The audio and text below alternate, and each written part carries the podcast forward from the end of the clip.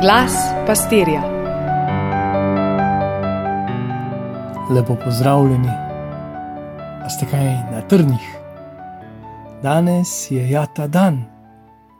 Danes mi ni težko biti dober, prijazen, potrpežljiv in nič čudno ne izpadem, če komu naredim uslugo. Če me morda kdo pogleda sumničavo, mirno dahnem, mi klavš je. Seveda, razumem, hvala. In greva vsak svojo pot. A ni zanimivo, da moram, morda niti ne toliko pred drugimi, kakor pred samim seboj opravičiti dobroto, dobro delo do bližnjih ali pa do neznanih. Ko prisluhnemo Janezu v Evangeliju, se prikrade želja in volja, da bi sledili njegovi besedi. Kliče po spreobrnenju. To ni samo opomnik, ni samo vabilo, sliši se že skoraj kot ukaz, z močjo. Se res, zakaj pa ne? Ta beseda, ki je nagovorila tako pobožne kot robateže, da so se eni zganili in začeli živeti, in je druge pridržala, da so postali zmerni. Pa ne dajmo se zavesti. Ni bilo nobenih čarobnih besed, in nič se ni zgodilo samo po sebi. Srečanje z Janezom Krstnikom tudi ni obisk božičnega sejma in koncerta. Ko se nam še nekaj dni potem poje pesem eh, zvončki, ki se je vrtela in vrtela. Potem pa počasi zbledi. Priča smo nevrjetnemu dogodku, to vemo vsi. Lahko rečemo, da se odpirajo nebesa, da se čas ustavlja, da se nebesa dotikajo zemlje, da se večnost pretaka včasno. Ja, lahko tako rečemo. Tudi to sveto, to najsvetejše, božični dogodek, kje se je izrazilo. Luka prefinjeno in mirno opiše vrhunce tiste elite, elite tistega časa.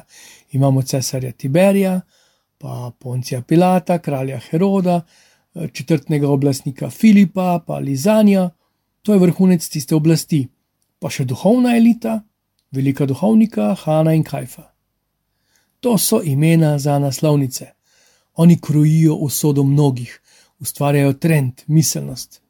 Če oni rečejo, da se ne bo več govorilo o božiču, mimo grede, se ste slišali te dni, da so iz osrčja Evrope, no, Bruslj je sicer vedno bolj, vedno bolj in bolj na robu tega srca, so sporočili, da bomo zaradi korektne govorice umaknili besedo božič, da ne bomo delali nasilja nad tistimi, ki božiča ne praznujejo.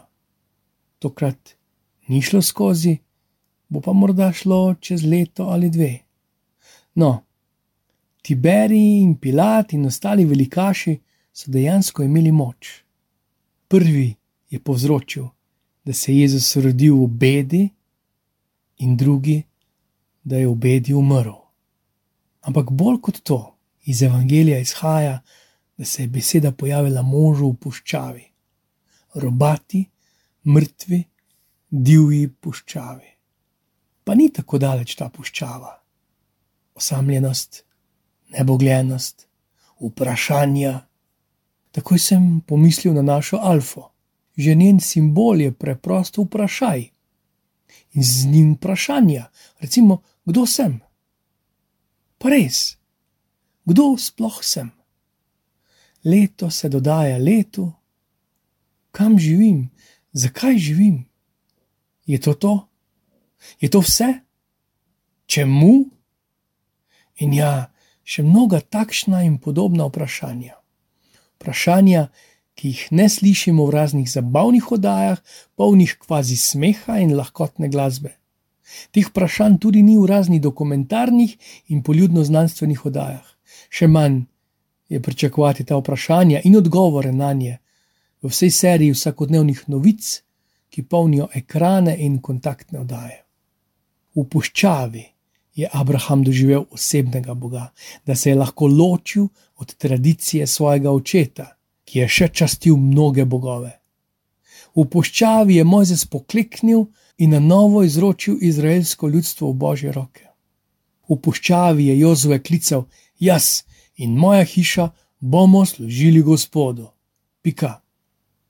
In v tvoji puščavi se sliši bitje srca, še sem živ in hrepenenje, ki zaskeli ob vsakem nesmislu, ko se ženem, ko nimam časa, ko ne ljubim, ko sem uradnik, ko hlastam za tem in onem, kar mi dejansko že pripada, radost življenja in življenje v polnosti. Te dni bomo praznovali tih, pa tako mogočen praznik, praznik, ki zdravi opustošeno zemljo in človeštvo. Raj je razpadel, postal je razvalina. Lahko bi rekli z božjo besedo, da ga razruje marjasec, popase ga polska divjačina. Ni več ne duha, ne sluha o Adamu in Evi. Njuni otroci so se raztepli po svetu in zemlja je razpokana in trda. Tam, kjer rodi, se zgodi krivica. Tisti, ki ima, bi imel še več, kdor nima, bi vzel tistemu, ki ima. Od kajda naprej se vzdiguje roka nad brata. Kje si raj, kje si obljuba, vse človeštvo bo videlo božje odrešenje. In ta praznik, Marijin, posvečen njej brezmadežni, je še kako globoko zasajen v to kruto, suho, nerodovitno zemljo. Tudi njene korenine so mnogo globlje. Kakor ni bilo koga, ki bi lahko prestrašil Janeza, krstnika, izoblikovala ga je puščava, pa ne samo škorpioni in puščavski vihari, ga ni bilo vprašanja, ki bi se ga bal. Odgovore je razbiral iz ust besede same. Še malo in nas bo popeljal do njega, ki je jagnje Božje. Prav tako to drevo življenja, brezmadežna, v tem času zeleni in živi in bojno poganja, ne ustavi ga žgoče sonce razvrata in nezmernosti, dvoma, nevere, klerikalizma, pohlepa. Res je, slabotni smo, ubogi, žejni, polni mnogih besed, pa še na preprosta vprašanja odgovarjamo tako negotovo. Zato toliko bolj prija prerok Baruh v prvem berilu. Blagodejno jutranje sonce, žuboreč potok, ozelenev grič s popki novega upanja. Ljudstvo Božje, poslovi se v žalost in tegob pravi. Obleci lepoto, ki je od Boga. Tu začne in nadaljuje, ogrni se s plaščem pravičnosti, spet, ki je od Boga. Zaključi, glej, Bog te bo vodil. Slovenija, Evropa, svet, crkva, sam Bog te bo vodil. Z veseljem, usmiljenjem in pravičnostjo. In spet, odkot vse to? Vse to prihaja od Boga. Vmes pa kar ne neha naštevati božjega delovanja, on ti bo dal ime. A ste že komu dali ime? Samo svojemu otroku, za res. On vidi tvoj sijaj in vsem ga bo pokazal. Privedel vas bo nazaj k sebi. Ja, težko verjamem Bogu, še teže prerokom. Tudi komu bom verjel, komu naj verjamem, da mi pove, kdo sem, zakaj sem tu. Če ne njemu, ki me tudi v tem korona adventu vidi kot svojega. Naj sem še tako zmeden in oddaljen, me prepozna. Če je Janez Krsnik klical k pokori, da se znižajo gore, zravnajo doline, da bo pripravljena pot za mesijo, se sedaj sliši ukaz, da se ogreznejo gore, da se napolnijo globeli da bo lahko stopalo njegovo ljudstvo, da bo možen naš korak. Res je, kar smo molili v psalmu. Velike reči je Gospod storil za nas. Blagoslova in vse dobro.